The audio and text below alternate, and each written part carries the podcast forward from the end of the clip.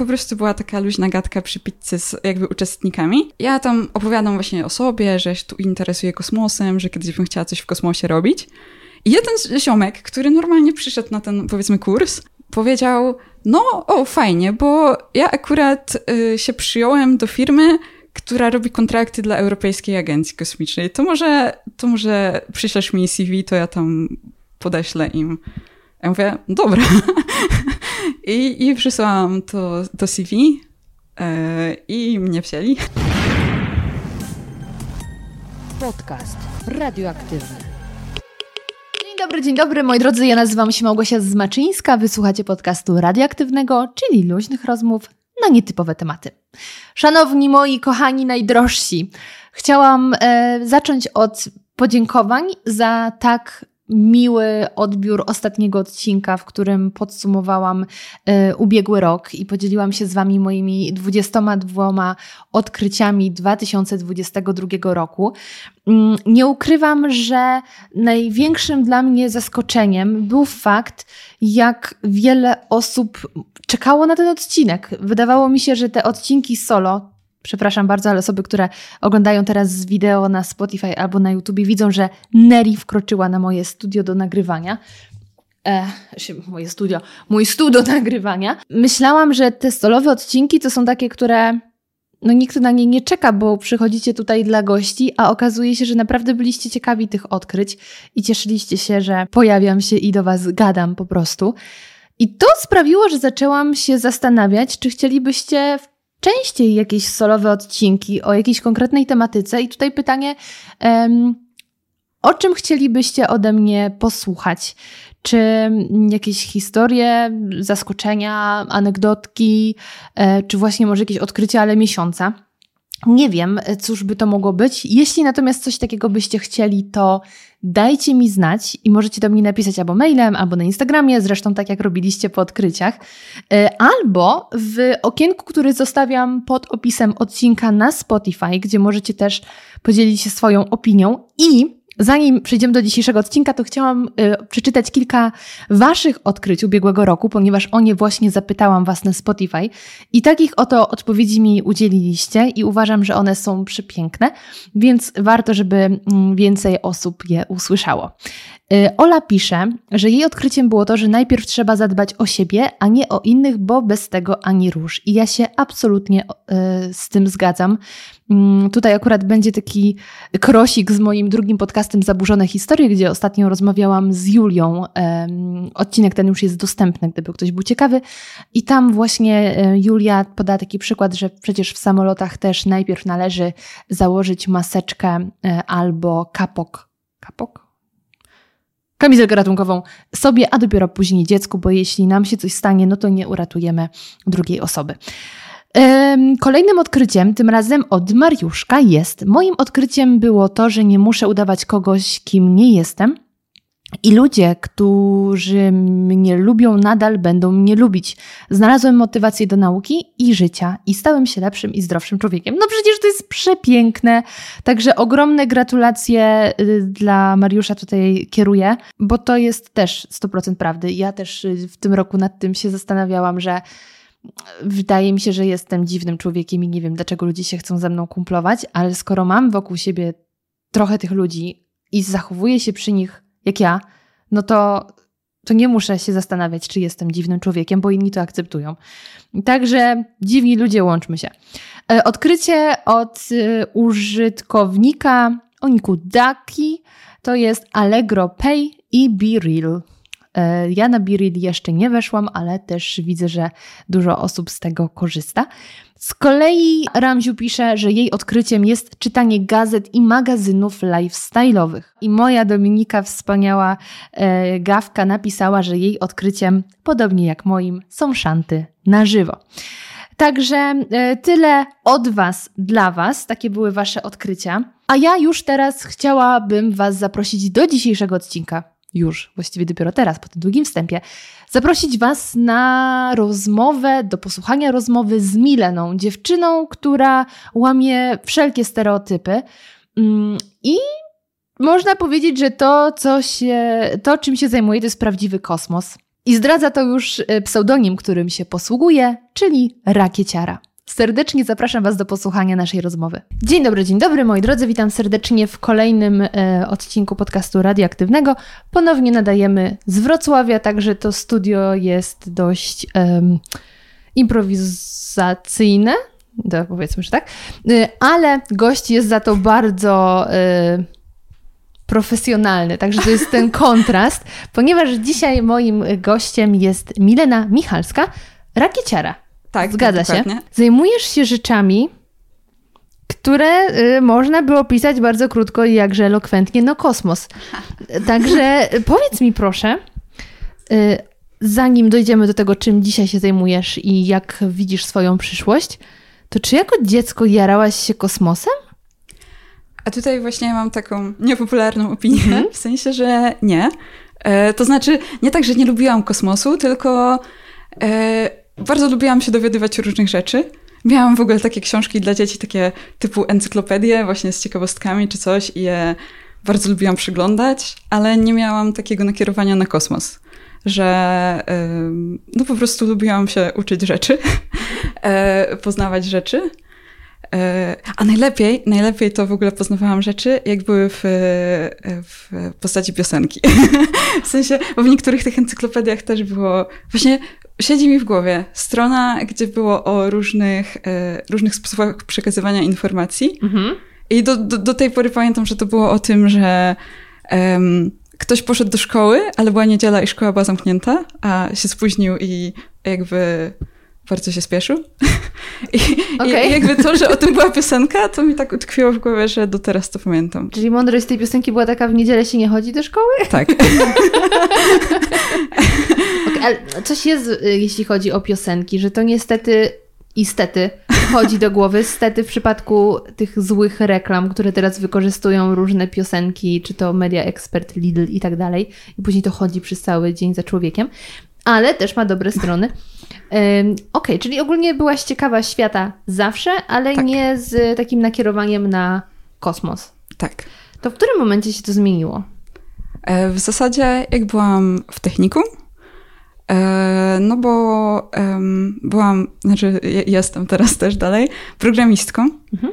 I jakby z tego, z tego to się wzięło, że mm, jakby chciałam coś, e, wyznaczyć sobie powiedzmy jakiś cel, do czego dążę. E, żeby po prostu wyklarować sobie, co ja chcę robić i, i jakby potem szukać sposobu, żeby to robić. I wymyśliłam sobie, że jakby takim najbardziej kulerskim z tego, co można robić, będąc programistką, według mnie, e, programować rzeczy do kosmosu.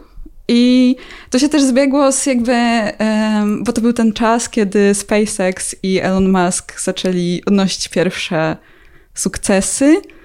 Um, jeśli nawet nie sukcesy, to fajnie się tam rozwalało, mhm. rozwalały rakiety po prostu widowiskowo. Zaczęło być o tym głośno. I myślę, o, fajnie. A zwłaszcza, że Elon Musk też zaczynał jako powiedzmy programista, zaczynał od tych swoich e, firm IT. I po prostu czułam takie powiązanie. Teraz to jest już trochę cringe'owe, bo Elon Musk tam odleciał. No, tak.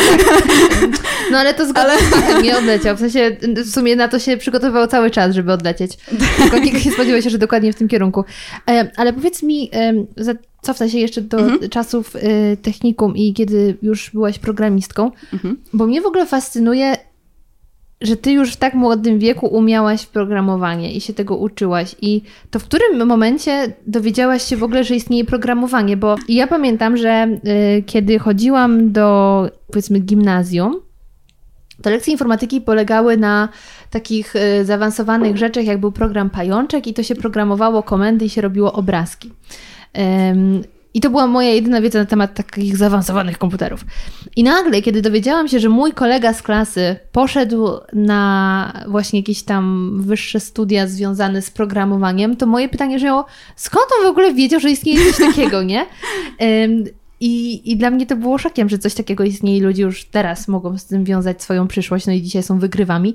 Więc w jakim momencie ty odkryłaś w ogóle programowanie i stwierdziłaś, to jest to, bo mm, no troszkę może stereotypowo lecąc, ale myślę, że nie aż tak bardzo, nie jest to taki pierwszy wybór u dziewczyn, prawda? O, akurat tutaj też mam historię. Super. E, to znaczy, um,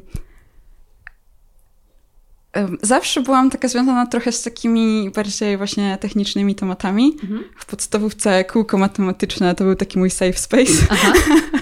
E, I um, też w podstawówce zaczęłam grać w taką grę przeglądarkową. Nazywała się fashionstyle.pl. To była gra, w ogóle pokazała mi ją koleżanka też właśnie z podstawówki. Ona polegała na tym, że miała się tam takie swoje laleczki, modelki albo projektantki mody.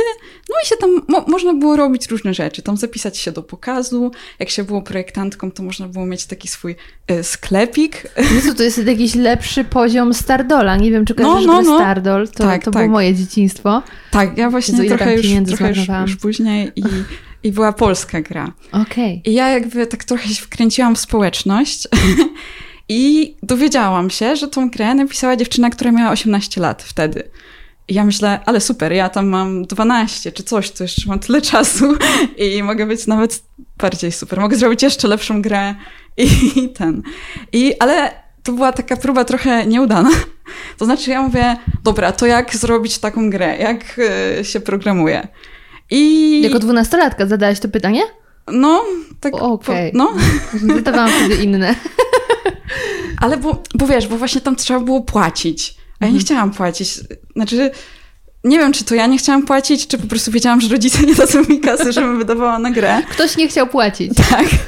E, więc no po prostu nie chciałam płacić. A wiedziałam, że będąc jakby właścicielką takiej gry, to nie to, że ja nie muszę płacić, to jeszcze inni mi płacą, no to super, nie?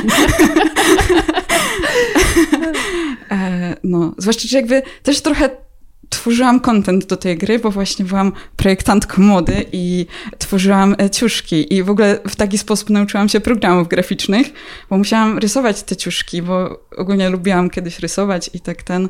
Ja mówię, no przecież jak ja już tutaj jakby tworzę tą grę, powiedzmy trochę, mm -hmm. no to jakby mogę całą stworzyć, co to za problem. No, no to, oczywiście, że tak. No, okazało się, że jednak duży problem. E, w sensie, no po pierwsze moje... Um, pierwsze moje to podejście, to skończyło się tak naprawdę na tym, że nie umiałam odpalić tego takiego pierwszego programu. W sensie, bo to też było tak, że ja wtedy nie znałam za dobrze angielskiego. Mhm. No, tak, no tak trochę wiadomo ze szkoły, no jeszcze mała byłam, a to wszystko było po angielsku. E, tutoriali nie było tyle, co teraz, nawet, nawet tych po angielsku, mhm. e, więc było trudno. I po prostu nie działało. Nic nie działało, próbowałam nic nie ten. Jakby nawet próbowałam sobie zainstalować Linux, bo po prostu gdzieś przeczytałam, że Linux to jest, to jest system dla programistów i tam tak. wszystko działa. Ale też mi się nie udało. w ogóle też e, jakby śmieszne jest trochę, bo moja mama e, nie jest programistką, ale była informatyczką. To znaczy pracowała przy komputerach pierwszych w ogóle komputerach takich w Szczecinie, w Stoczni Szczecińskiej. Mhm. Właśnie to opowiada, że o, te komputery to takie, takie zajmowały szafy. tak, całą mhm. salę w ogóle, jak sala gimnastyczna. I oni mieli tylko takie powiedzmy terminale typu mały, mały ekranik i, i klawiatura, a cały komputer to była wielka hala. Ale moja mama nigdy mi nie chciała pomagać. to znaczy, y, znaczy pomagać, y, podawać rozwiązań. Mhm. E, zresztą też myślę teraz, że no nie do końca się na tym znała, bo wiadomo, są różne jakby dziedziny. Ale mówiła, że jak, się, jak sama nie dojdziesz do rozwiązania, no to nie zapamiętasz i jak ja ci powiem, to będziesz wiedziała na chwilę. I więc jakby odłożyłam to na trochę. Jakby spróbowałam pierwszy raz, się nie udało, myślałem, no dobra, nie udało się. Nie będę zarabiać. No. Jeszcze mam trochę czasu do 18 lat, to może potem się nauczę. Mhm. I potem w gimnazjum jakby musiałam zamienić swoje kółko matematyczne na jakieś nowe kółko. A czemu? Wy wyrzucili cię, czy co? Znaczy nie, bo w podstawówce było kółko matematyczne, a w gimnazjum, a, a w gimnazjum było kółko informatyczne. A, okej. Okay. W sensie, tak. E, I ono e, też jakby takie ze strony nauczycieli ono trochę było niepostarane, mhm. ale ludzie na nim byli super. Mhm. I ja po prostu um, poszłam na kółko informatyczne. Ono polegało na tym, że mamy zrobić stronę swojej klasy.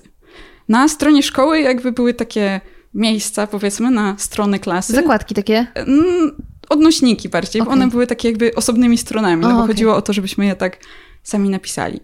I jakby co, każda klasa, jeśli miała swojego przedstawiciela na kółku informatycznym, no to miała jakąś tam swoją stronę. To jest siła robocza, zajebiste. Tak. po co płacić informatykowi? tak. I ja po prostu poszłam na kółko informatyczne. Tam byli ludzie, którzy już jakby zaczęli robić te swoje strony swoich klas. I ja po prostu jak ich zobaczyłam, to uznałam, kurde, oni są jacyś super mądrzy, o co chodzi. Ja też taka chcę być. Ale w ogóle takim mega, głupim, mega głupią rzeczą, która mnie strasznie zachwyciła, e, było to, że tam, no, strona, tam jest tekst i na przykład chciałam ustawić jakieś kolorki tekstu, żeby było wiadomo ładnie i super. I chciałam tam, nie wiem, jakiś pomarańczowy. E, I, I tam był taki Robert, w ogóle pozdrawiam Roberta, bo Robert był długo moim idolem. Okay. że Robert, bo właśnie to było takie przełomowe trochę w moim życiu, że ja mówię, no jak tutaj pomarańczowy zrobić? No bo pani, która prowadziła kółko informatyczne, tak bardziej tam siedziała i nas pilnowała, a my mhm. sami robiliśmy Brała te klucz od sali. Tak. E, I po prostu jakby ja się pytałam, jak coś zrobić tych innych ludzi, którzy byli, też robili strony swojej klasy. I ja mówię, Robert, ja chcę tu pomarańczowy napis, jak to zrobić? I jakby w, w HTML-u, w tym jakby języku do pisania stron, podaje się podaje się kody kolorów w systemie szesnastkowym że tam 00, FF, coś tam. Okay, to wiem. Tak, no. Mhm. E, I, I Robert mi podał po prostu z głowy kod na pomarańczowy kolor. Co ty mówisz? I właśnie to nie jest trudne, w sensie, bo... Co ty mówisz? w sensie, znaczy, jakby, bo jakby ten kod y, symbolizuje to, że na przykład jest tyle czerwonego, tyle niebieskiego i tyle e, zielonego. Czyli to jest od razu wiesz, z jakich kolorów powstaje kolor, którego oczekujesz, tak? Jakie znaczy, kolory składają no tak, jeśli wiem, z, z, jakich kolorów powstaje ten kolor, to mogę łatwo jakby powiedzieć ten kod. Ale ja byłam taka po prostu, co? On jest jakimś robotem? O co chodzi? Wiesz, Robert, robot, o kurde. so close.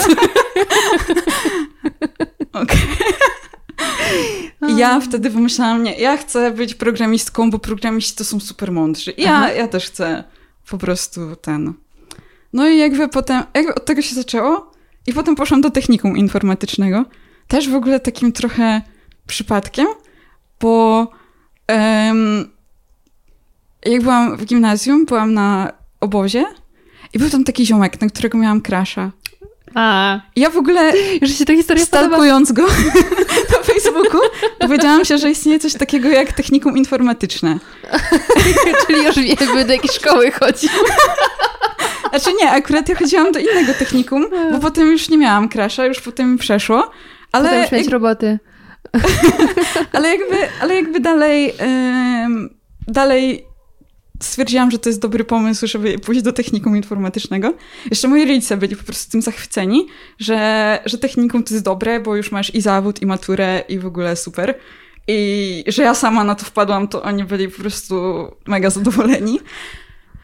E, a w ogóle z drugiej strony w szkole, w gimnazjum, to się spotkałam z takim jakby wręcz przeciwnym e, przyjęciem tego, że moja tam wychowawczyni mówiła, że nie, co ty, zmarnujesz. No, bo to, ty...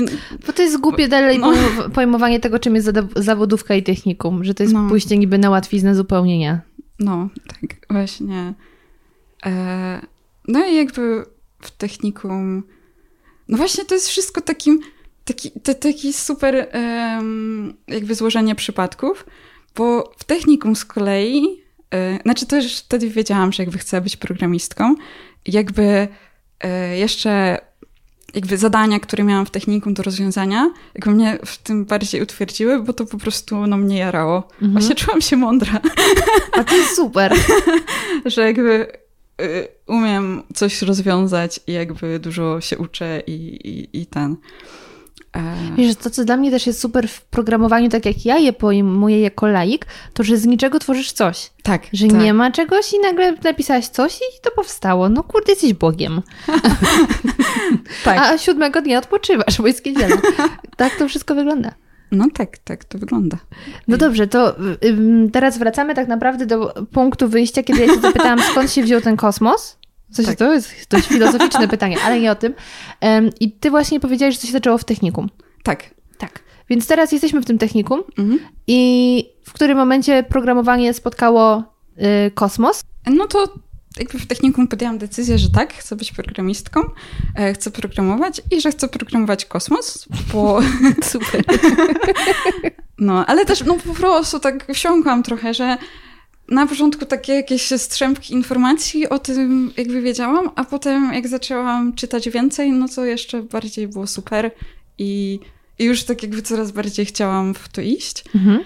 Um, tylko, że jakby um, nie wiedziałam wtedy jeszcze jak, więc jak pojawiła się dla mnie jakby taka okazja, powiedzmy, miałam super nauczyciela od aplikacji internetowych i czyli właśnie to, to co robiłam w gimnazjum. W sensie, no w gimnazjum już robiłam stronki, potem miałam super nauczyciela, który nas uczył takich e, rzeczy na czasie, powiedzmy, bo no, na niektórych zawodowych to były takie rzeczy starsze niż ja, więc słabo. Ale y, miałam super nauczyciela, i jakby w technikum też się robi praktyki. I jakby znalazłam sobie fajne praktyki, po których mnie już przyjęli powiedzmy do pracy. I jakby stwierdziłam, że dobra, to na razie w to idę, no bo mam taką powiedzmy szansę, mhm. że na dobry zawód, nie? No i byłam, e, robiłam sobie te stronki, aplikacje internetowe. Jakie na przykład możesz zdradzić? Bo mnie to zawsze też ciekawi bardzo. A, e, robiłam na przykład e, z takich fajniejszych Mm, robiłam aplikację dla firmy produkującej lakiery do paznokci. E, taką aplikację, to znaczy też dostępną w telefonie, w tych technologiach webowych, mhm. e, która można było kamerę nakierować na palce i ona rozpoznawała, jaki to jest lakier, jakiś najbliższy tam. Wow! No, znaczy tą, tą część rozpoznającą kolor to akurat nie ja robiłam, ale ja jakby... Nieważne. Tak. Więc robiłaś różne aplikacje yy, i co dalej? Bo poszłaś do pracy. Tak. No i jakby postanowiłam, że jakby mam tutaj tą e, możliwość na tą pracę, no to to jest też fajne. E, no bo praca, pieniądze, fajna, wielka kariera. I no i jakby robiłam te rzeczy takie trochę niezwiązane z kosmosem, no ale gdzieś tam zawsze miałam to w głowie i, jakby jak gdzieś się, e, gdzieś się trafiło coś, gdzie było napisane, że możesz pracować w kosmosie, ja to klikałam i, i czytałam, ale no tych informacji no nie było za wiele. I ale dostałam w końcu pracę w kosmosie przy robieniu stronek dla Europejskiej Agencji Kosmicznej, a to też wyszło zupełnym takim przypadkiem. No bo ja już tak trochę umiałam. I mój kolega y, Grzesiek, y, też pozdrawiam Grześka, y, wtedy mm, organizował takie spotkania. To on jakby z tak 100% swojej inicjatywy, na które przychodzili ludzie i uczyli innych ludzi programowania. Tak za darmo, w ogóle oddolnie. E, miał tam zaprzyjaźnioną swoją firmę, która udostępniała salę, ale sam kupował ciastka, więc... A, Grzesiu, super. E, no i, um, i ktoś mu mnie polecił, że ja jakby coś tam umiem i że jestem trochę taka chętna na inicjatywy różne. I czy ja bym nie, nie poszła jakby uczyć ludzi programowania. Bo ja byłam na tym takim powiedzmy drugim levelu i mogłabym uczyć takich ludzi z zerowego. Mhm. I ja powiedziałam, no dobra. To w niedzielę, to było akurat niedaleko mojego domu, więc ogólnie było spoko. E, I, i poszłam. E, no i tam była przerwa, właśnie jedliśmy jakąś pizzę czy coś. To nie dość, że ciastka, to jeszcze pizza? Znaczy nie, no pizzę to już sami sobie kupowaliśmy. A, okay. Ale nie no, i tak było spoko. E, I, I ten. No i tam po prostu była taka luźna gadka przy pizzy z jakby uczestnikami. I e, ja tam opowiadam właśnie o sobie, że się tu interesuję kosmosem, że kiedyś bym chciała coś w kosmosie robić. I jeden ziomek, który normalnie przyszedł na ten, powiedzmy, kurs, e, znaczy taki weekendowy, powiedział, no, o, fajnie, bo ja akurat się przyjąłem do firmy, która robi kontrakty dla Europejskiej Agencji Kosmicznej. To może, to może przyślesz mi CV, to ja tam podeślę im. Ja mówię, dobra. I, i przysłałam to, to CV e, i mnie wzięli. I, I robiłam. E, jakby taki system robiliśmy, który łączy e, agencje kosmiczne z takimi służbami bezpieczeństwa, że na przykład jak gdzieś wybuchł wulkan, to agencja kosmiczna dawała e, zdjęcia satelitarne tego obszaru przed i po i jakby i jak to się rozwija, żeby służby miały tak ogląd sytuacji z kosmosu powiedzmy, bo nie zawsze są... Ile miałaś wtedy lat? E, wtedy, nie, wtedy to już miałam... To było tak z 3 lata temu, to 23. Jakie to jest uczucie mieć 23 lata i robić rzeczy dla, y, y, Boże, nie komisji, tylko y, agencji kosmicznej związanej z bezpieczeństwem, czyli właściwie nawet kuźwa narodowym, międzynarodowym? Mm. Na początku było fajnie. Okej. Okay. Ale potem, e, potem stwierdziłam, że to jest mało. Mhm. E, to znaczy, no bo miałam już jakby wcześniejsze doświadczenia z robieniem aplikacji internetowych i to po prostu było cały czas to samo. Że nieważne dla kogo, jakby to samo hmm. się robi, tych samych umiejętności powiedzmy używa. ja stwierdziłam, że jakby to nie jest takie odkrywanie powiedzmy czegoś nowego. W ogóle ja nie wiem, czy ja nie brzmię jakoś tak, tak nie wiem, taka wyniosła, zadufana czy coś, że mówię, o, to było dla mnie za mało. Nie, tutaj. dla mnie to jest y, jak najbardziej zrozumiałe, że coś, co się może wydawać takim wow z zewnątrz, to jeśli robisz to, to długo i jesteś mhm. w tym dobra, no to przestaje to być dla ciebie wyzwaniem, a jesteś ewidentnie człowiekiem, który szuka wyzwań i możliwości, także jak najbardziej dla mnie zrozumiałe. Okej, okay, dobrze. E, no. I... Aha. I wtedy jakby postanowiłam coś zmienić, mhm. żeby już nie robić tych stronek. I wtedy jakby pierwszy raz chyba się zdarzyłam w życiu z rzeczywistością, w sensie w tym moim życiu zawodowym programistycznym, e, bo jakby też wiedziałam, że no w tam rakietach na przykład jest dużo elektroniki i że mogłabym może robić elektronikę. To jest takie podobne do programowania trochę, ale też trochę niepodobne, w mhm. sensie mhm. też trzeba dużo jakby nowych umiejętności się nauczyć, jak się jest programistą, a się chce robić elektronikę ale znalazłam jakby w moim mieście jakby w takiej dużej korporacji e, staż, że jest właśnie taki powiedzmy elektroniczny i z tych takich języków, w których się robi te systemy wbudowane, to, tak to się nazywa, mhm. gdzie można też robić rakiety. I ja po prostu byłam taka mega pewna siebie, że ja już mam tutaj jakby wcześniejsze doświadczenia, coś tam umiem, też ze studiów, bo już wtedy też na studiach byłam. E, I że po prostu jest jakaś formalność i że pójdę sobie na ten staż, coś tam się poduczę, potem pójdę do jakiejś powiedzmy lepszej firmy, zacznę szukać tych kosmicznych. I się nie dostałam. I ja po prostu wtedy byłam akurat w szkole, dostałam maila, że się nie, nie dostałam, się popłakałam w łazience, bo po prostu to było dla mnie takie. Błąd w Matrixie. Tak, że co się stało. Ja byłam pewna, że dostanę. I jeszcze dostał ten staż zamiast mnie jakiś mój kolega e, ze studiów, który jakby miał jakieś certyfikaty z angielskiego i tak podobno, że tak zachwycił e, na rozmowie tym, że on tak super po angielsku mówi. A ja myślę, co?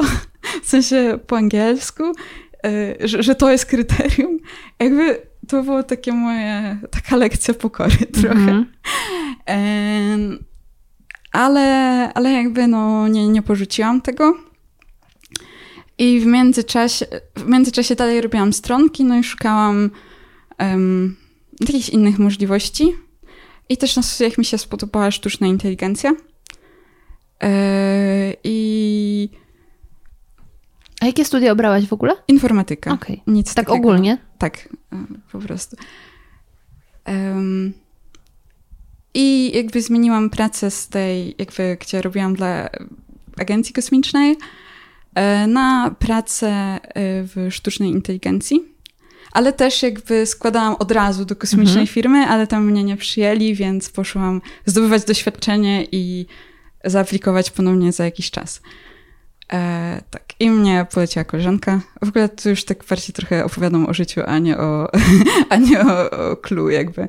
Ja e, lubię powiedzieć o życiu, także tak? mnie to nie przeszkadza. Dobra, mam nadzieję. E, e, e, tak. Czyli poleciła cię koleżanka, poszłaś ogólnie szukać doświadczeń zawodowych tak. najpierw w tej sztucznej inteligencji. I tutaj na razie bym się zatrzymała, żeby trochę doprecyzować, mm, w ogóle najpierw się cofnąć, mhm. bo E, powiedziałaś, że chciałaś pracować w kosmosie, w sensie tak. dla kosmosu, powiedzmy. Mhm. E, co dokładnie chciałaś robić? Czy to było marzenie na zasadzie chcę polecieć w kosmos, być astronautą, fruwać sobie tam, gdzie nie ma y, tej siły przyciągania? Czy... Nie, w sensie akurat jakby to nie jest po prostu jakieś moje marzenie. Znaczy tak, pierwszym takim celem było właśnie cokolwiek robić dla kosmosu. Mhm. To jakby odhaczone, bo robiłam dla tej agencji kosmicznej. I jakby teraz takim celem jest robić coś, co poleci w kosmos, że po prostu włożyć swoją cegiełkę, a najlepiej, żeby coś wymyślić, czego jeszcze nie ma, no ale to jakby też... E... Hold your horses. Tak. jakby to może kiedyś będzie, mam nadzieję, ale, ale jakby na razie tym takim celem, powiedzmy, um, najbliższym jest, żeby coś zrobić, co poleci w kosmos. Mhm. E, tak. A mówiąc poleci w kosmos, masz znowu bardziej na myśli te statki powietrzne, w których mogliby ludzie sobie polecieć, czy bardziej satelity, które wysyłamy, żeby później pobierać dane, czy pracę przy teleskopie? E, to znaczy, akurat tu trochę tak konkretnie, e, mhm. bo właśnie składam, to teraz mam taką powiedzmy wymarzoną firmą, w której bym chciała pracować. Jest firma, która właśnie robi e, sztuczną inteligencję dla satelit. Mhm. I, I na czym to polega? E, Co to ta znaczy, inteligencja tam różne robi? systemy. Są, na przykład opracowują rozwiązanie e, tego, żeby satelita sama, jak zrobi zdjęcie, to sama decydowała, czy to jest dobre zdjęcie, czy nie. E, to znaczy, e, nie, nie chodzi o to, czy tam ładnie ktoś wyszedł. czy, czy kosmici się uśmiechnęli. E, tylko, tylko czy jest ostre i tak dalej. E, tak, ale jak na przykład satelity robią zdjęcia Ziemi, no to często na przykład duża część jest pokryta chmurami. I ono jest takie no, to słabe. użyteczne. No, więc, a, a jakby wysłanie tego zdjęcia na Ziemię kosztuje tam energię na przykład, kosztuje czas też. Więc no, jak można je od razu wywalać do śmieci, to, to jest y, profit, powiedzmy. Mm. Ale też na przykład są systemy, które jakby pro, zbierają wszystkie dane z tego, jak satelita, powiedzmy tak technicznie sobie radzi, tam zużycie różnych komponentów i tak dalej, i prognozuje, kiedy ona się zepsuje. I to jak jakby ten, jakby przewidzi, kiedy ona się zepsuje, to, no to dobrze też. Okay. Będziemy wiedzieć wcześniej. A jeszcze to mhm. akurat nie ze sztucznej inteligencji, ale też jakby z systemów satelit. To e, ciekawa sprawa jest opracowanie algorytmów, żeby komunikacja Ziemia-satelita była tak zabezpieczona, żeby komputery kwantowe tego nie złamały. W sensie, bo komputery kwantowe teraz w sensie, bo o nich się tak mówi, że one są w stanie złamać każdy szyfr tak w, w mrugnięcie okiem, powiedzmy. No a no nie chcemy, żeby ktoś nam się włamał na satelitę. I zrobił złe rzeczy. I zrobił złe rzeczy. Albo nawet odczytał informacje, no bo też jest dużo satelit jakichś wojskowych, szpiegowskich. No. Hmm, czyli tutaj pod kątem cyberbezpieczeństwa się o tym myśli też. Ekstra. Tak. Ale widzisz, dla mnie to, co jest...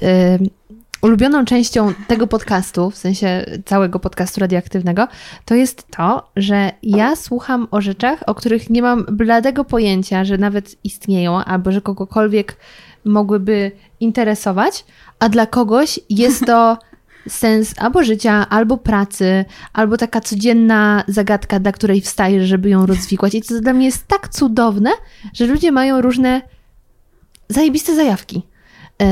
I tutaj wchodzisz ty cała e, na czarno, na prawie, na żółto. Czarno. No tak, bo żółty ulubiony tak. kolor, przepraszam. Dobrze, to, to tak, udało ci się już wejść tą sztuczną inteligencję. Mhm. Ogólnie kosmos kręci cię pod kątem niekoniecznie, że chcesz tam odwiedzić em, gwiazdy i tak dalej, tylko z pozycji Ziemi. E, ale też poza tą sztuczną inteligencją, którą teraz zajmujesz się w pracy Mhm. i te różne systemy, które tam tworzysz, mądre rzeczy takie. Czy ja jeszcze, ja jeszcze przy tych satelitach nie pracuję, bo tak Okej. mówiłam, że jakby em, zdobywam teraz doświadczenie, powiedzmy, Ale i to dalej jest zupełnie niezwiązane z, tą, z kosmosem, czy już jest? E, zaczęłaś... Je, jeszcze nie jest. Okej, Ja to, to z kosmosem to chciałabym robić. Jak wyczytałam o tym po prostu, Mhm. że to jest i to można robić. A w pracy to takie śmieszne różne rzeczy. A z jakiej przykład, y, branży? e, właśnie em, na przykład robiliśmy inteligentne obroże dla psów. Super, opowiedz, Nelly akurat tutaj przyszła, może jej nie widać, ale chętnie się dowiemy. E, w sensie e, to była, w ogóle to, też mnie tak zajarało, że to była taka praca trochę naukowa. E, to znaczy jakby klient dostarczył dane o zebrane, po prostu nagrane z czujników, Mhm. e, gdzie pies poruszał się, na przykład wchodził po schodach, schodził, skakał, biegał, chodził i to wszystko było jakby opisane, że tutaj teraz chodzi, takie są dane, to są ciągi cyfr, więc jak patrzysz na to, to mówisz... E. No. To brzmi jak moja reakcja. E, I też był podział na jakby psy zdrowe i chore, tam na konkretną chorobę, nie tak po prostu. Mhm. E, tam chorobę jakąś kości, e, psich. I jakby oni nam dali te ciągi cyfr i mówili, e, powiedzcie, czy, czy jakby można na tej podstawie rozróżnić, czy pies zdrowy, czy chory. W sensie samych jakby Mhm. cyfr, niekoniecznie tych opisów, no bo to bez sensu. E, I jakby bardzo dużo przeczytałam wtedy o danych i o tych, jakie są jakby narzędzia statystyczne do jakby wyciągania takich różnic. Narysowałam mnóstwo takich wykresów i wreszcie dotarłam do wykresu, gdzie widać, że Że są odchylenia. tak, Takie? że po prostu dla psów zdrowych jest inny wykres niż dla chorych. I stwierdziłam, w sensie to była taka podstawa, powiedzmy, Aha. do dalszego, powiedzmy, eksplorowania tematu, ale, yy, ale jakby, bo na początku myślałam, że nie ma szans, żebym w ogóle to zrobiła, bo te dane, jakby te wszystkie pierwsze wykresy były identyczne, że nie dało się rozróżnić. Aż w końcu jakby ten, no też jakby miałam wtedy mentorów powiedzmy w pracy, no bo byłam takim świeżakiem znowu i musiałam się uczyć, ale byłam super zadowolona e, z tego. Tylko e, jakby jak zleceniodawca powiedział, dobra, my jesteśmy startupem, to teraz jakby zrobiliście taki proof of concept, że da się coś tam na tych danych działać, Mhm. to my teraz idziemy do naszych inwestorów, jak nam dadzą więcej pieniędzy na To coś z rozwój, tym zrobimy. to wrócimy do was. Mhm. I nie wrócili. znaczy przynajmniej póki... Może jeszcze wrócą kiedyś. Ale to smutne. No, No, no to trzymam kciuki, żeby wrócili. E, czyli zleceniowo tak bardziej działasz teraz? Że to E- akurat był ktoś, dla kogo zrobiłaś część badań e, i oni... w sensie w firmie projekty wpadają. A, czyli okej, czyli oni przyszli z projektem do firmy, w której działasz. Tak. Mhm, okej. Kurde, jakie są mądre rzeczy. Znaczy, właśnie tutaj też chwilowo już nie działam w tej firmie, bo nie mam projektów, Mhm. e, ale też jakby trochę, nie wiem, mierzę się z wypaleniem zawodowym. W sensie takim, że czuję, że muszę trochę o to zadbać teraz. Mhm. bo tak trochę, jakby miałam wysokie tempo, jakby już od technikum Tak. do, do teraz zawodowe. Nawet w pewnym momencie miałam dwie prace, ale to, to w ogóle było mega głupie, bo miałam dwie prace, dlatego, że nie mogłam się zdecydować, która jest lepsza. Więc stwierdziłam, bo, bo jakby szu- szukałam, szukałam nowej pracy i już dostałam jedną, tam zaakceptowałam, a potem jakby dostałam e, drugą ofertę i nie mogłam się zdecydować, która jest lepsza. I w ogóle mój kolega mi powiedział, taki... W ogóle to był mój kolega, który miał tak z, nie wiem, wtedy z y, 15 lat i on też już jakby pracował e, dla firmy. E, I on powiedział, a nie dasz rady dwa? A ja mówię, no w sumie. Kurde. Czy kodeks pracy w ogóle pozwala pracować, jak się ma 15 lat? Nie wiem. Kolego. Okej, okay. i jak długo to ciągnęłaś? E, trzy miesiące. Więcej nie dałam okay. rady, bo... Bo jeszcze miałaś studia jakieś w międzyczasie, nie? Znaczy, samą pracę bym dała radę robić, tylko były spotkania. Najgorzej.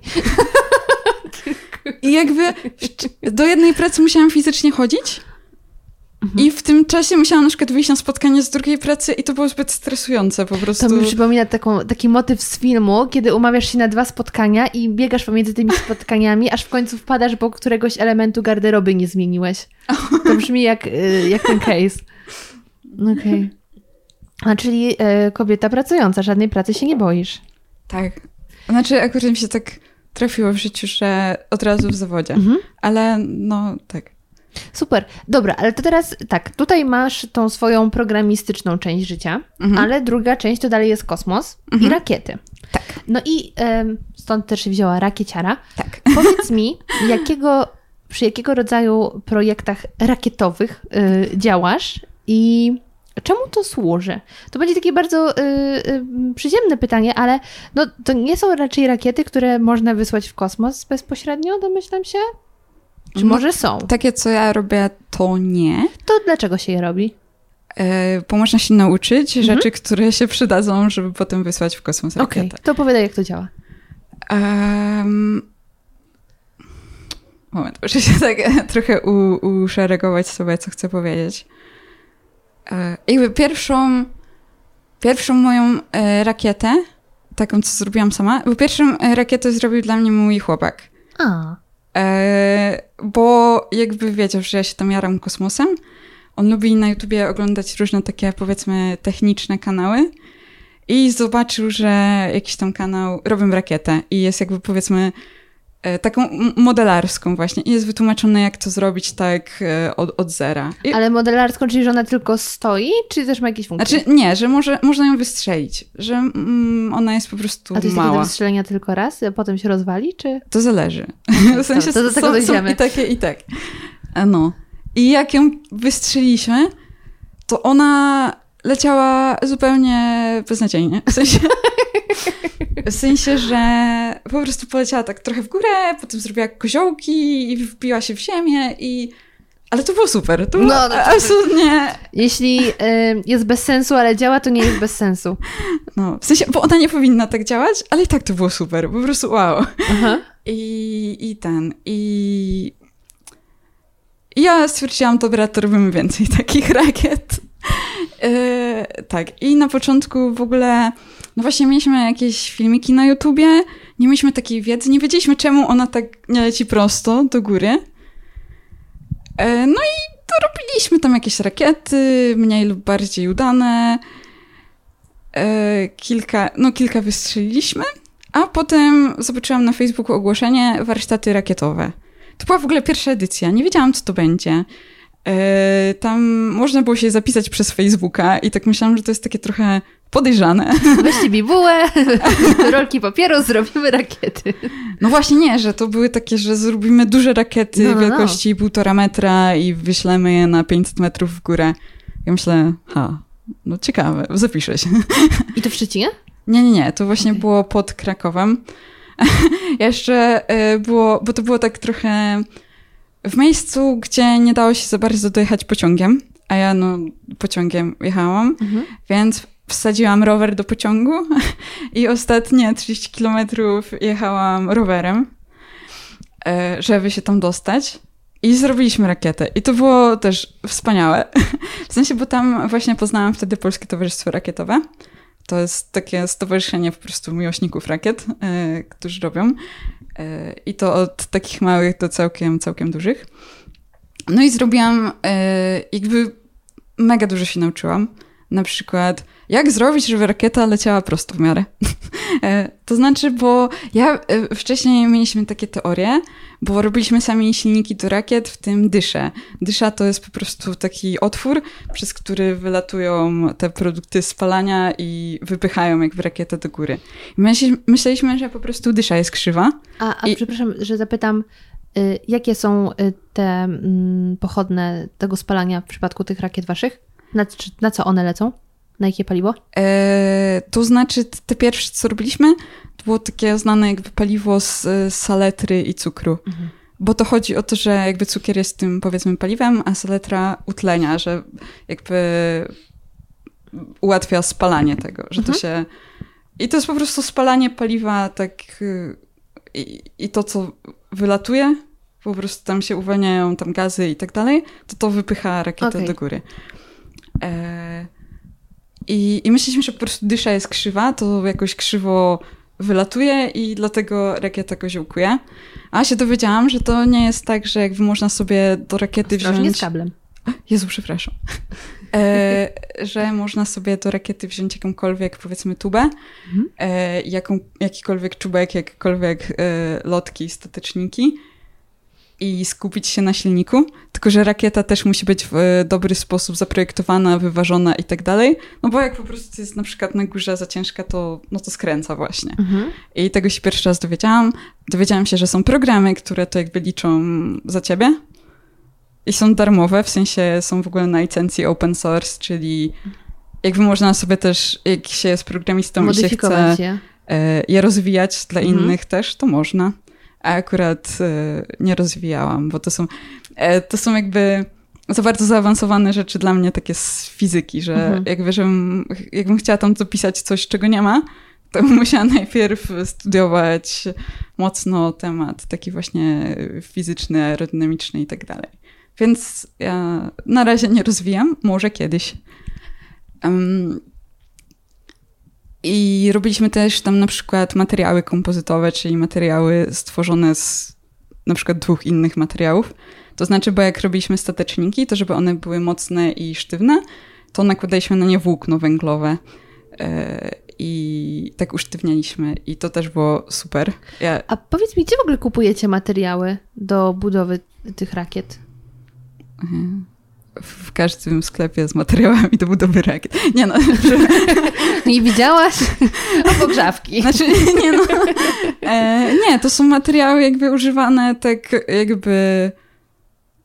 W, w, mm, to są na przykład silniki do rakiet, takie gotowe, właśnie te wybuchowe powiedzmy, gdzie już jest ta mieszanka paliwa, jest dysza zrobiona mhm. tak fabrycznie, to można kupić w sklepach modelarskich. Okej. Okay. E, a takie jakieś inne materiały, no to, to nie wiem, to jest jakaś sklejka na przykład. Czyli Właśnie, budowlanych. Tak. Okej. Okay. Tak. Um, co ja mówiłam? E, ogólnie zatrzymały, zatrzymałyśmy się na tym wyjeździe do Krakowa, że to był taki A, pierwszy tak. pro tak. rzeczy. I to poleciało. I tam dowiedziałaś się, dlaczego wasze, tak. wasza kosiołkowała. Że tak. no, y, Ogólnie się dowiedziałam takich podstaw, jak się buduje rakiety.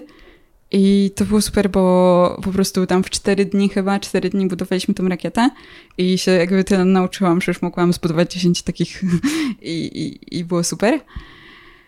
E, I wtedy się tak najbardziej zajerałam. Też znalazłam to jakby community, w sensie to Polskie Towarzystwo Rakietowe, że ludzie po prostu też budują te rakiety i robią super rzeczy, dużo lepsze niż te na warsztatach. I że też na przykład w Polsce ludzie budują rakiety zawodowo, które będą lecieć w kosmos. Ale takiej w wersji wielkiej? E, tak, w sensie wielkiej. No. Jak duże są rakiety takie profesjonalne? No właśnie tak, e, ja widziałam tę rakietę, ale tylko na przyczepce, gdzie ona była taka jakby złożona. Ale myślę, że tak z 10 metrów może mieć.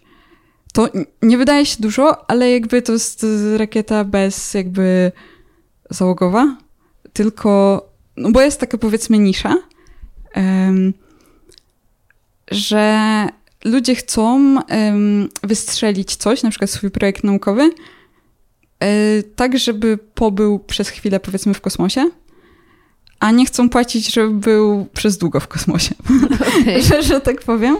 E, więc wystarczy rakieta, która tam poleci, przez chwilę pobędzie i spadnie. I się spali wracając? Nie, e, wróci na spadochronie.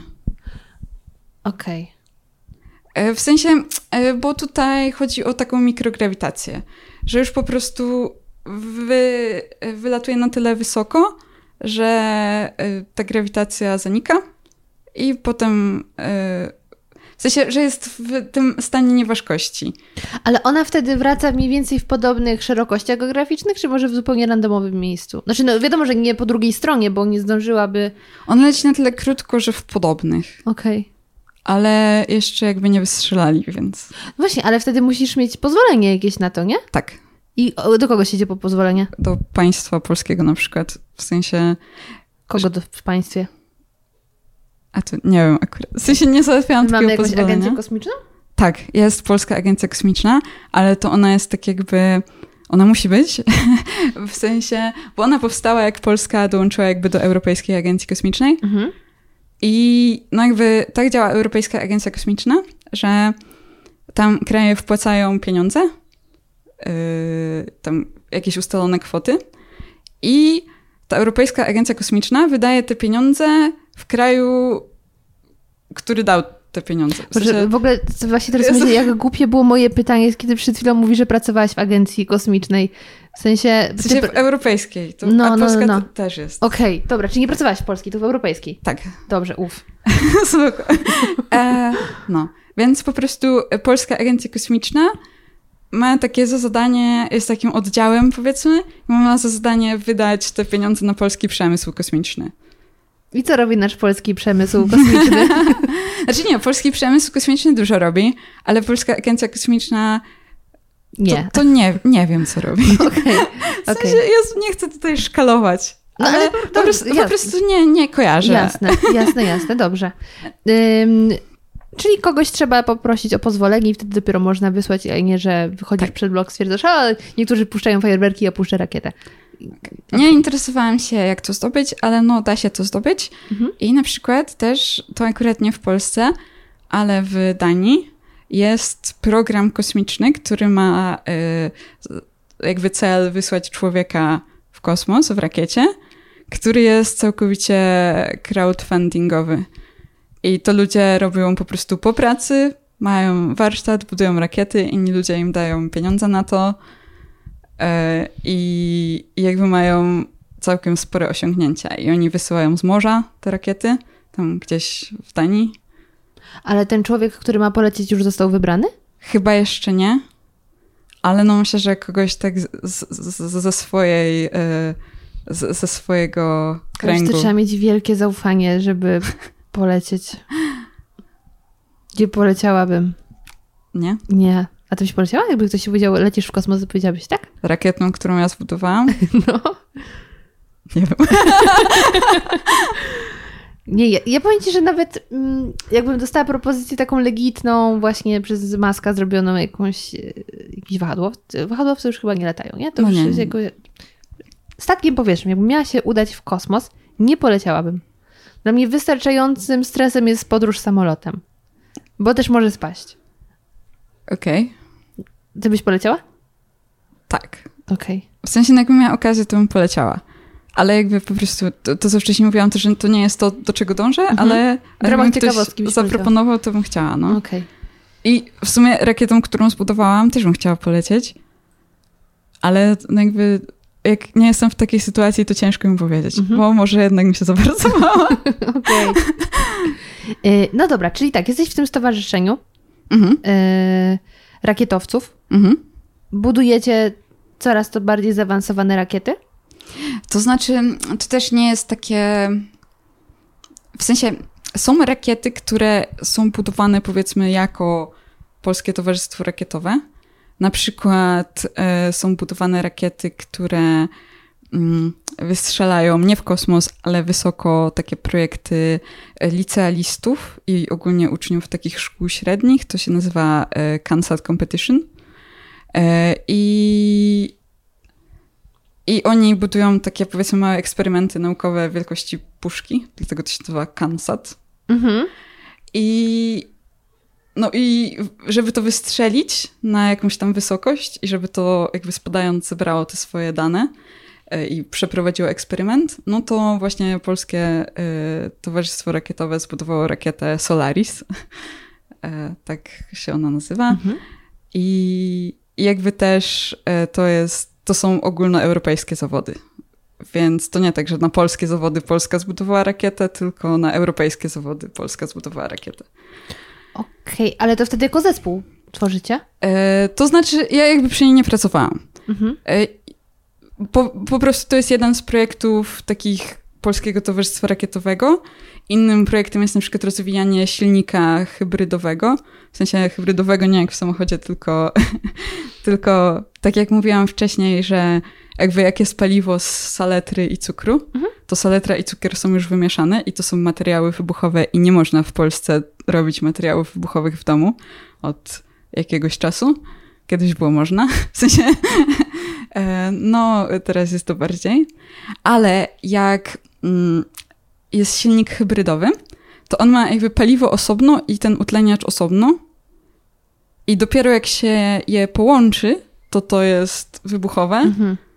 Więc no, to jakby się połącza na czas lotu rakiety, więc nikt się nie złapie. W sensie za krótko. Znaczy, nie no, po prostu po, można je tworzyć, bo to nie jest takie aż niebezpieczne, mhm. że trzymasz na chacie materiały wybuchowe. E, I jakby Polskie Towarzystwo Rakietowe rozwija też taki właśnie projekt e, silnika hybrydowego, z którego jakby każdy powiedzmy może korzystać e, z projektu albo też kupić sobie już taki gotowy silnik. Więc jakby ma jakieś takie swoje Polskie Towarzystwo Rakietowe projekty, ale też no jakby każdy ma swoje, powiedzmy, każdy członek. I ja jakby teraz robię y, rakiety w sumie sama z moim chłopakiem. Chciałabym mieć swój zespół rakietowy, ale trochę jakby nie chcę się do tego zobowiązywać, jak wiem, że mogę nie dać rady tak czasowo i w ogóle to wszystko tak ogarniać. Jakby był zespół rakietowy w Szczecinie, bo na przykład są mega fajne zespoły rakietowe na uczelniach, na przykład w Warszawie, w Poznaniu, a w Szczecinie nie ma. Mhm. We Wrocławiu też. Ja wszystkich obserwuję na Instagramie, mówię super, super rakiety. E, I no i bo właśnie na przykład też jest um, jakby jak się jest studentem, to moim zdaniem no, opłaca się robić rakiety, e, bo no wiadomo, za każde koło naukowe są jakieś punkty do stypendium, no ale też na przykład oni jeżdżą sobie na zawody rakietowe do Portugalii albo do Stanów. Znaczy to wiadomo, to już te takie bardziej zaawansowane. Mhm. E, I tam latają swoimi rakietami na kilkanaście kilometrów. I szczerze to wydaje mi się, że polskie właśnie silniki hybrydowe, e, studenckie są mega jakby duże mają osiągnięcia na arenie powiedzmy międzynarodowej, ale to też trochę dlatego, że w innych krajach te silniki na paliwo stałe, czyli właśnie te już takie zmieszane proszki, mhm. są dużo bardziej legalne i na przykład można dużo łatwiej kupić silniki takie dużych mocy. A my musimy bardziej kombinować. No, kupić jest bardzo ciężko, a robić nie można. No właśnie, więc musimy kombinować z tak. innymi opcjami. Mm, ale to powiedz mi w takim razie, proszę, ponieważ budujesz rakiety ze swoim chłopakiem mhm. już wiele takich rakiet na pewno zbudowałaś, mhm. udoskonaliliście ten tor lotu i tak dalej. Co jeszcze chciałabyś udoskonalić? W sensie, no bo z jednej strony to jest zajawka, że po prostu lubisz coś robić i to robisz, ale z drugiej strony też jest pewnie kwestia doskonalenia robienia rzeczy większych. Więc jaki jest taki twój taki cel przy tych rakietach, które sama tworzysz? Znam, że to się bardzo zmienia. To znaczy, to jest bardzo też takie spontaniczne, bo na przykład właśnie zobaczę coś w internecie, mówię, fantastyczne, chcę to zrobić też. Na przykład co? Co jeszcze e, taka no, rakieta poza tym, że leci, może robić? E, to znaczy dużo. to dużo zmienia. E, ale na przykład, bo ostatnio e, na ostatni festiwal rakietowy to tam się przyjeżdża ze swoimi rakietami, to miałam taki powiedzmy cel, jednej z dwóch moich rakiet, żeby, mm, bo jakby jest ten system odzysku, że no, słabo jest stracić rakietę, ale też ze względów bezpieczeństwa jakby na festiwalu na przykład nie jest dopuszczane, żeby e, polecieć rakietą, która miałaby po prostu spaść i się rozbić. Mhm.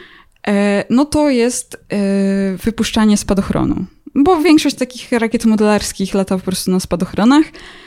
E, ziomeczek właśnie z Ameryki, który budował rakietę, która miała wylądować tak jak te rakiety SpaceX, czyli po prostu na silnikach się postawić na Ziemi. Mhm. To budował to przez 8 lat. O, wow. E, a już jakby miał wcześniej takie zaplecze, no bo to jest bardzo takie eksperymentalne i no trzeba dużo wymyślić rzeczy, Mhm. żeby, żeby to zadziałało. Trzeba dużo przetestować. Ale udało mu się? Udało mu się tak. Właśnie nie, niedawno, w sensie niedawno był taki właśnie filmik podsumowujący to ostatnie tam 7 czy 8 lat właśnie próbowania i w końcu się udało, ale super to wygląda. No teraz jego następnym celem jest właśnie e, dotrzeć do granicy kosmosu, czyli 100 kilometrów w górę. Ambitny cel. Tak, więc tam za następne może 7 lat Mhm. e, to się uda. I e, aha, no i takim jakby e, chciałam e, mieć w rakiecie system, em, który. Okej, to jeszcze powiem tylko, że tak mm, defaultowo, czyli domyślnie, o, em, jak się na przykład kupuje silnik rakietowy, w sensie to, to takie małe silniki, one są mniej więcej takiej wielkości i e, no i tam jest coś takiego jak ładunek miotający, czyli że jak się wypali już całe paliwo, to jeszcze on czeka kilka sekund i się z drugiej strony u- uruchamia taki ładunek, taki mini wybuch, który, który tworzy ciśnienie w rakiecie i e, wypycha spadochron. W sensie, bo tam się robi specjalnie tak, żeby czubek, powiedzmy, do tuby był przymocowany dosyć luźno i on wypada. On jest na sznurku, więc nie wypada gdzieś tam Mhm. nie wiadomo gdzie, tylko no leci dalej z tą rakietą. A spadochron się uwalnia i no i sobie spada na spadochronie. E, tylko jakby nie mając tych silników gotowych, jakbym na przykład chciała zbudować swój silnik albo silnik hybrydowy i nie mieć tego ładunku, no to, no to jakby to trzeba opracować inne rozwiązanie. No i właśnie chciałam mieć, zobaczyłam w internecie i moim zdaniem to super wyglądało, że po prostu w czubku e, była taka, e, były takie drzwiczki powiedzmy i em, była elektronika w rakiecie, która jakby po wykryciu apogeum, że już wyżej rakieta nie poleci i zaczyna spadać, otwiera jakby powiedzmy te drzwiczki i stamtąd się spadochron e, no, no po prostu wy, wychodzi. Aha. I ja myślę, ale super, no ja chcę takie w mojej rakiecie. To tak średnio trochę wyszło i ogólnie uznałam, że to nie jest najlepszy sposób. Mhm. Że to może fajnie wygląda, ale, ale dużo rzeczy może pójść nie tak, bo tam się mogą zahaczyć różne ten i też wykrycie tego apogeum też nie jest takie proste na powiedzmy tanich elementach elektronicznych, a drogich to nie fajnie kupować, bo drogie są. No, może tak być. W sensie, bo to jest też tak feels wrong po prostu, bo że wydasz super dużo kasy na jakiś super precyzyjny element i zmierzysz tym jakąś taką mega słabą rzecz. Mhm. W sensie, że tak niepotrzebnie i, i, i się nie chce y, wydawać tyle kasy. Y, Więc po prostu porzuciłam trochę ten pomysł. Zobaczymy. Będę jakby ten system jeszcze rozwijać, bo właśnie też zakupiłam sobie niedawno silnik hybrydowy i chcę zrobić na nim taką trochę inżynierię wsteczną, e, żeby zrobić potem swój. Bo mam, to, to kupiłam sobie taki mały, też właśnie opracowany przez e, ziomeczka z Polskiego Towarzystwa Rakietowego, który ma też dostęp do na przykład takich narzędzi jak jakieś tokarki, obrabiarki CNC. Do, ja nie mam takich narzędzi, ja mam drukarki 3D, ale jakby nie drukuję na nich elementów metalowych, a niektóre jakby na przykład dyszy do rakiety też bym nie wydrukowała, bo dysze muszą być odporne na em, ciepło, Mhm. a plastik nie jest odporny na ciepło. E, I dysze na przykład są dobre ceramiczne. I no, na drukarce 3D ich raczej nie wydrukuję. E, Są drukarki na żywicę, które działają tak, bo tak, drukarki 3D na plastik, one po prostu rozpuszczają plastik i formują z niego coś.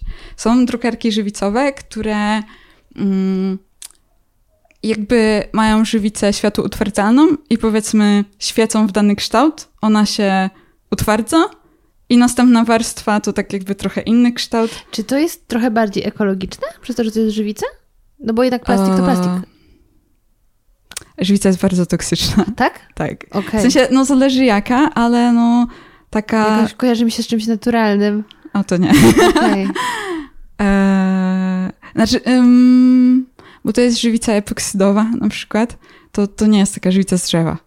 Mhm. Czyli taka... nie da się pozyskiwać takiej żywicy naturalnej właśnie i z nią się bawić, tylko trzeba ją sztucznie robić.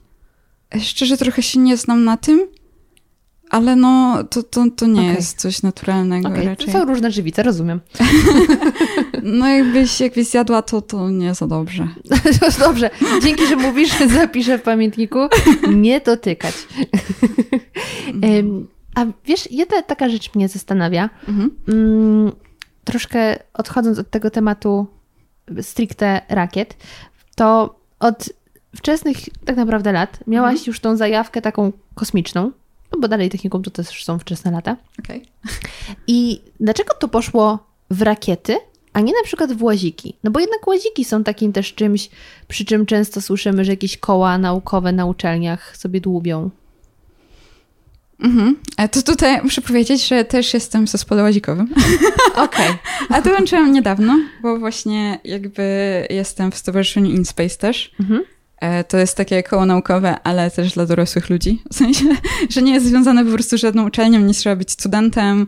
E, I też robimy łazika od początku tego roku, powiedzmy. Mhm. E, ja jestem w zespole jakby programowania i w ogóle też robimy taką rzecz, którą bardzo lubię w programowaniu, czyli ułatwienie sobie życia. W sensie piszemy takie różne poboczne, powiedzmy, aplikacje, na przykład do zarządzania stanami magazynowymi. W sensie, że ktoś potrzebuje jakiejś części, tam zespół mechaniczny, to może sobie wprowadzić yy, do takiego trochę takiego narzędzia trochę bardziej spersonalizowanego niż Excel. Mhm bo nie mówię, że bardziej zaawansowanego, bo Excel to jest jakaś w ogóle magia. Tak, Tam... tylko my po prostu nie wiemy, jak z niego korzystać tak. w większości. No, ale takiego po prostu wyciętych tych funkcji, co potrzebujemy i jeszcze trochę bardziej jakby złożone to pod konkretny zespół. Mhm. E, I tam zobaczyć, czy ktoś już to zamówił, czy nie. I czy już to mamy. I też na przykład e, z dostępnych elementów mierzyć czy waga łazika jest prawidłowa, bo tam na jakby zawodach też jest e, ograniczenie wagowe, że nie można tam nawalić w ogóle wszystkiego, żeby on był takim tym, tylko też ograniczenie wagowe. E, no i budujemy łazika, ale no łaziki no, dużo mniej mnie ekscytują niż rakiety. Może dlatego, że nie wiem, nie wybuchają. Oby nie. Znaczy, nie wiem. Bo, Właśnie, bo, bo łacik wydaje mi się, że jest taką rzeczą bardziej przyziemną ze względu na to, że to jeździ. I to jest właśnie przyziemne, trochę jak nasze samochody. Takie, no, jesteśmy przyzwyczajeni do tej formy. A jednak rakiety to jest bardziej szalona wersja samolotów. W cudzysłowie oczywiście, ale że wiesz, że samoloty latają, to też lata, tylko że jeszcze mhm. jest ten wybuch. I chyba to jest też takie bardziej ekscytujące. E, tak.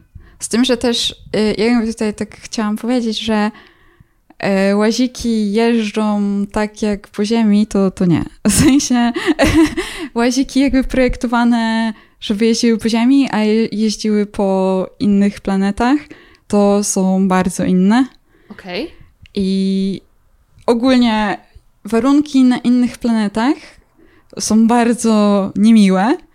To znaczy po prostu koła łazika tak bardzo dostają w kość, jakby tak bardzo się ścierają i, i w ogóle jakby tą powierzchnią... No bo to też inne siły na niego działają. E, siły też. No ogólnie jakby trzeba dużo inaczej zaprojektować łazika do jeżdżenia po Ziemi, a do jeżdżenia po innej planecie. W ogóle też jest taki e, przypadek... E, to akurat nie łazika, ale wiertła. Hmm?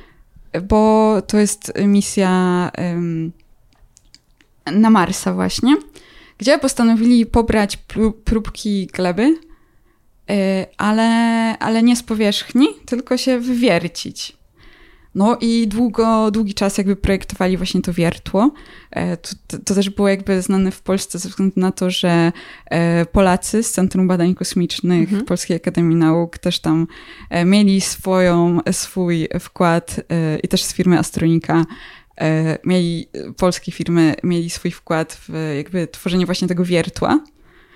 I jakby ono było projektowane na podstawie tego, co wiemy, co wiedzieliśmy w tamtym momencie o, o glebie marsjańskiej, o prób, e, z próbek, które zostały zebrane z łazików na przykład z powierzchni. Mhm.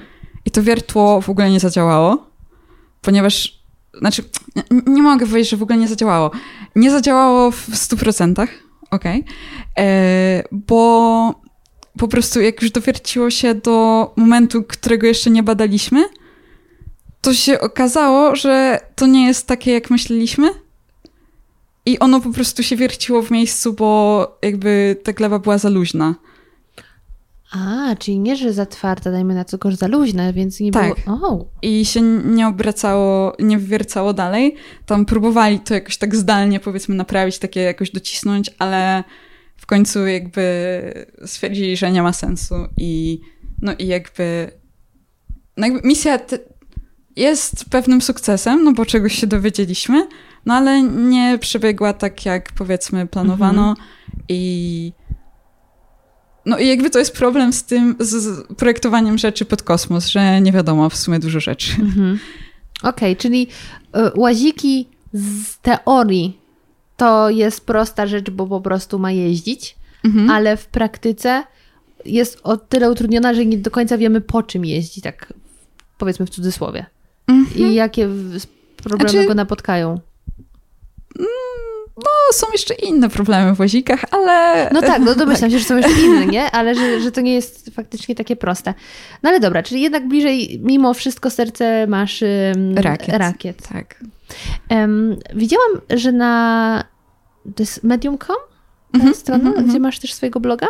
E, tak, to jest tak trochę nieregularnie trochę go prowadzę. Tak, no, ale y, poczyniłaś tam taki artykuł o tym, y, jakie są różne inicjatywy, z których mogą skorzystać młodzi ludzie, jeśli też mają taką zajawkę, tak. e, albo rodzice mogą ich tam zapisać.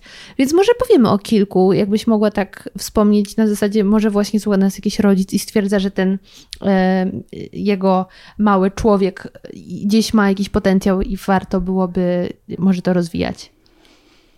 Mhm, e, to jasne. To ja jakby tam zaczęłam od Polskiego Towarzystwa Rakietowego, no mhm. bo to są, to są moi ludzie. Moje ziomki. Tak, i po prostu e, Polskie Towarzystwo Rakietowe też jest bardzo zorientowane na dzieci. Na przykład właśnie na festiwalu rakietowym Meteora e, to w ogóle nie chodzi o, tak jeszcze tutaj dygresja szybka, że to nie chodzi o meteory takie, co spadają mhm. z Ziemi, tylko o powiedzmy takie pierwsze polskie rakiety, które się nazywały właśnie Meteor i to były rakiety pocztowe. E, to znaczy, to był prototyp rakiety, która miała super szybko listy przewozić. Naprawdę. I one były super, ale jakby ten projekt nie został. Ale to spełniało swoje funkcje? Eee... To, to, to, znaczy były tego konceptu. Widziałam na pewno jakby nagrania z tego, że one latały, ale chyba jednak to nie chwyciło. Bo... Szalone. Podoba mi się. No, ale to, to właśnie były rakiety mhm. pocztowe i takie jakby były bardzo fajne technicznie na tamte powiedzmy czasy. Mhm. Nie, nie wiem kiedy to było, w sensie nie pamiętam, ale trochę Jest dawno. internet, można sprawdzić. Tak. Okej, okay. okay, dobra, to tak. Ale jest jakby na cześć e, Festiwal Meteora, tak nazwany. To jest festiwal rakietowy właśnie na pustyni błędowskiej. I e, na tym festiwalu jest też w zasadzie całodobowo są takie mini warsztaty rakietowe. To znaczy są przygotowane powiedzmy takie zestawy do sklejenia. E, są właśnie rurki, e, są noski, rakiety. Trzeba tam wkleić powiedzmy elementy, dokleić lotki, tak złożyć, włożyć właśnie taki mały silnik i można wystrzelać jakby od razu, no bo to jest na festiwalu mhm. rakietowym w specjalnie przygotowanym miejscu. E, I to jest też darmowe, więc e, jakby super dla dzieci. Dzieci się mega jarają tym. Ale też e, nie tylko na festiwalu Meteora z tego można skorzystać, no bo też jakby wszędzie, gdzie Polskie Towarzystwo Rakietowe ma jakieś swoje na przykład standy na jakiś, no nie wiem, e, nawet na jakichś festynach w szkole. Wiem, że jakby też czasem są zapraszani. Um, można też napisać o przeprowadzenie takich warsztatów w jakiejś konkretnej szkole. Jakby można się dogadać. Jakby to jest jeden z celów, powiedzmy, statutowych, żeby tą wiedzę o rakietach rozprowadzać, więc e, do Polskiego Towarzystwa Rakietowego warto się odezwać. Są też takie bardziej skierowane na astronomię inicjatywy, e, na przykład kluby astronomiczne. Takim najbardziej znanym jest e, dla młodzieży jest Almun Kantarat. Jezu, przepraszam, ja nie mam tego wymówić, ale to jest też od jakby pojęcia y, astronomicznego. Y, I oni y, też jakby ja bym chciała tam dołączyć, ale mm -hmm. jestem za stara. W sensie, bo oni e, właśnie dla młodzieży e, organizują różne obserwacje, różne obozy, różne wyjazdy do, e, do obserwatoriów z seminariami jakimiś bardzo ciekawymi i ja w ogóle, jak byłam w obserwatorium pierwszy raz, a to. No dobra, to może nie był pierwszy raz, ale pierwszy raz w takim bardzo na przykład odległym od miasta obserwatorium, właśnie wtedy na tych warsztatach rakietowych.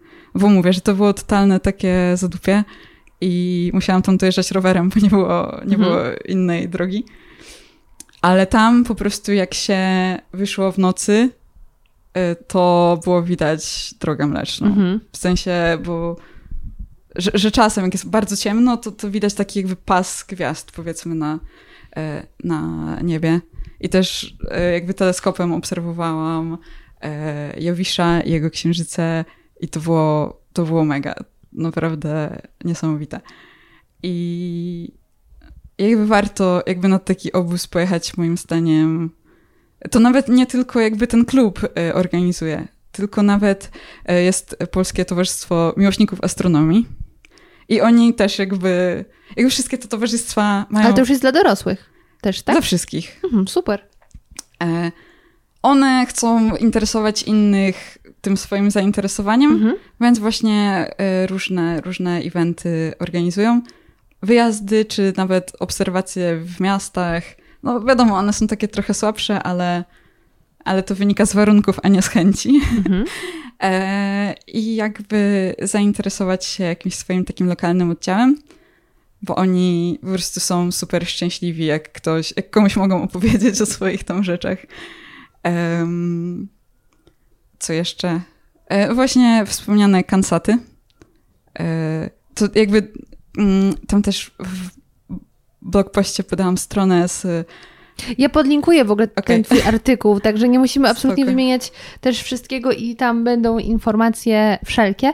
Y, natomiast w ogóle taki odzew, że są możliwości i szczególnie są. jeśli są młodzi ludzie, to I można Europejska. Agencja Kosmiczna właśnie też robi konkursy y, i można wygrać jakieś rzeczy fajne. Albo po prostu udostępnia materiały edukacyjne, żeby można było sobie poczytać. Okay. I to też jest dobre dla nauczycieli, więc warto może do nauczycieli zagadać, że tam są materiały. Ej, może wreszcie coś ciekawego na lekcjach. Nie wiem jak twoje lekcje fizyki, ale moje były strasznie nudne. I geografii też. A to w sumie na tych dwóch przedmiotach można by się spodziewać czegoś ciekawszego. No ale nie w mojej szkole. Powiedz mi już tak właściwie zbliżając się do końca, czy jest jeszcze jakieś zagadnienie, o którym mogłybyśmy wspomnieć? Jakaś część Twojej działalności, jakaś może Twoja misja, którą chciałabyś teraz tak ostatecznie się podzielić? O kurczę, nie wiem. Bo ja mogłabym na pewno tutaj od siebie z obserwacji powiedzieć, że e, warto iść w stronę swoich zajawek, nawet jeśli coś się wydaje niemożliwe albo odległe, to step by step można tam y, dotrzeć. Tak jak chciałaś robić coś dla kosmosu i już jakąś pierwszą odhaczoną masz. tak.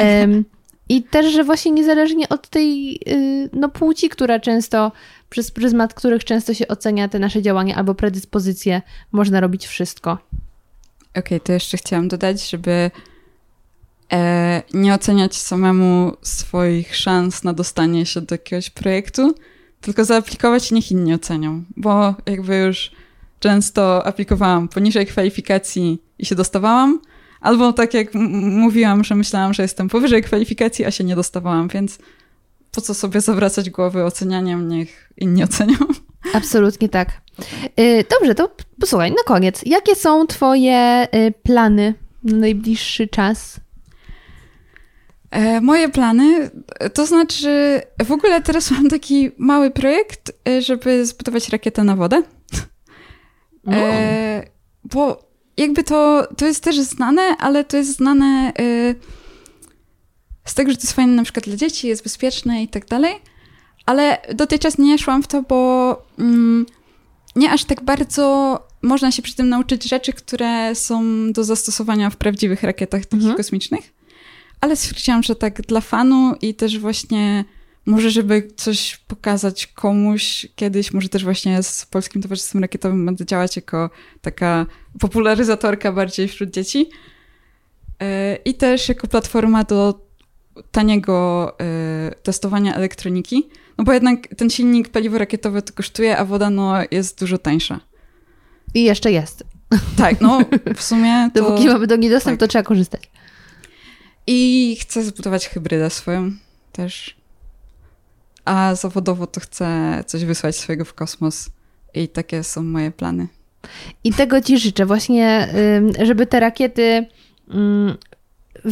wylatywały, ale też wracały w całości, żeby nie było większych strat, również finansowych, ale przede wszystkim, żebyś mogła w tej swojej ścieżce zawodowej, programistycznej iść też w tym kierunku, który ci się marzy, bo masz ogromnie duży, nie lubię słowa potencjał, bo jest taki Hmm. Ale no masz ten, ten błysk, ten dryk i tą energię i taką pasję, więc e, no trzymam kciuki, żeby inni też się na tym poznali.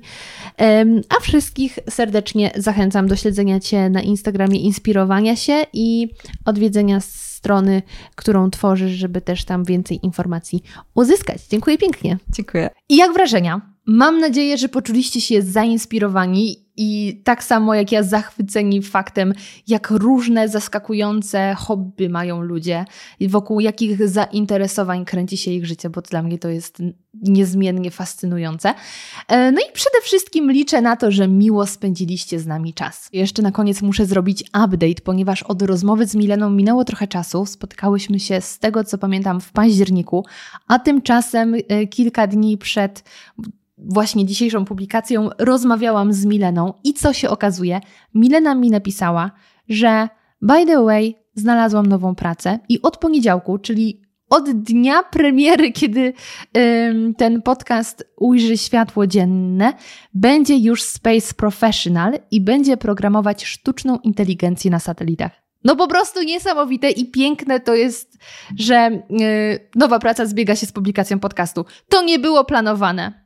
Przynajmniej przeze mnie, ale widać wszechświat dobrze to zmajstrował. Ja tymczasem się z Wami żegnam. Widzimy się już za dwa tygodnie. I to słuchajcie w ciekawym podcaście, jak zawsze, ponieważ tym razem porozmawiam z moim gościem o homestagingu, czyli przygotowywaniem mieszkań, domów na sprzedaż, czyli jak mądrze mm, przygotować wnętrze do sesji zdjęciowej, zanim wystawimy mm, ofertę na jakiś portal z nieruchomościami albo na przyjście potencjalnych kupców. Porozmawiamy o rynku nieruchomości, o blaskach i cieniach, więc jak sami słyszycie, będzie naprawdę ciekawie. Także mam nadzieję, że będziecie pamiętali o nowym odcinku. Jeśli nie, to warto subskrybować. Wtedy aplikacja sama Wam przypomni, że nowy radioaktywny już na Was czeka. A ja nie przedłużam, bardzo Wam dziękuję i do usłyszenia już niedługo.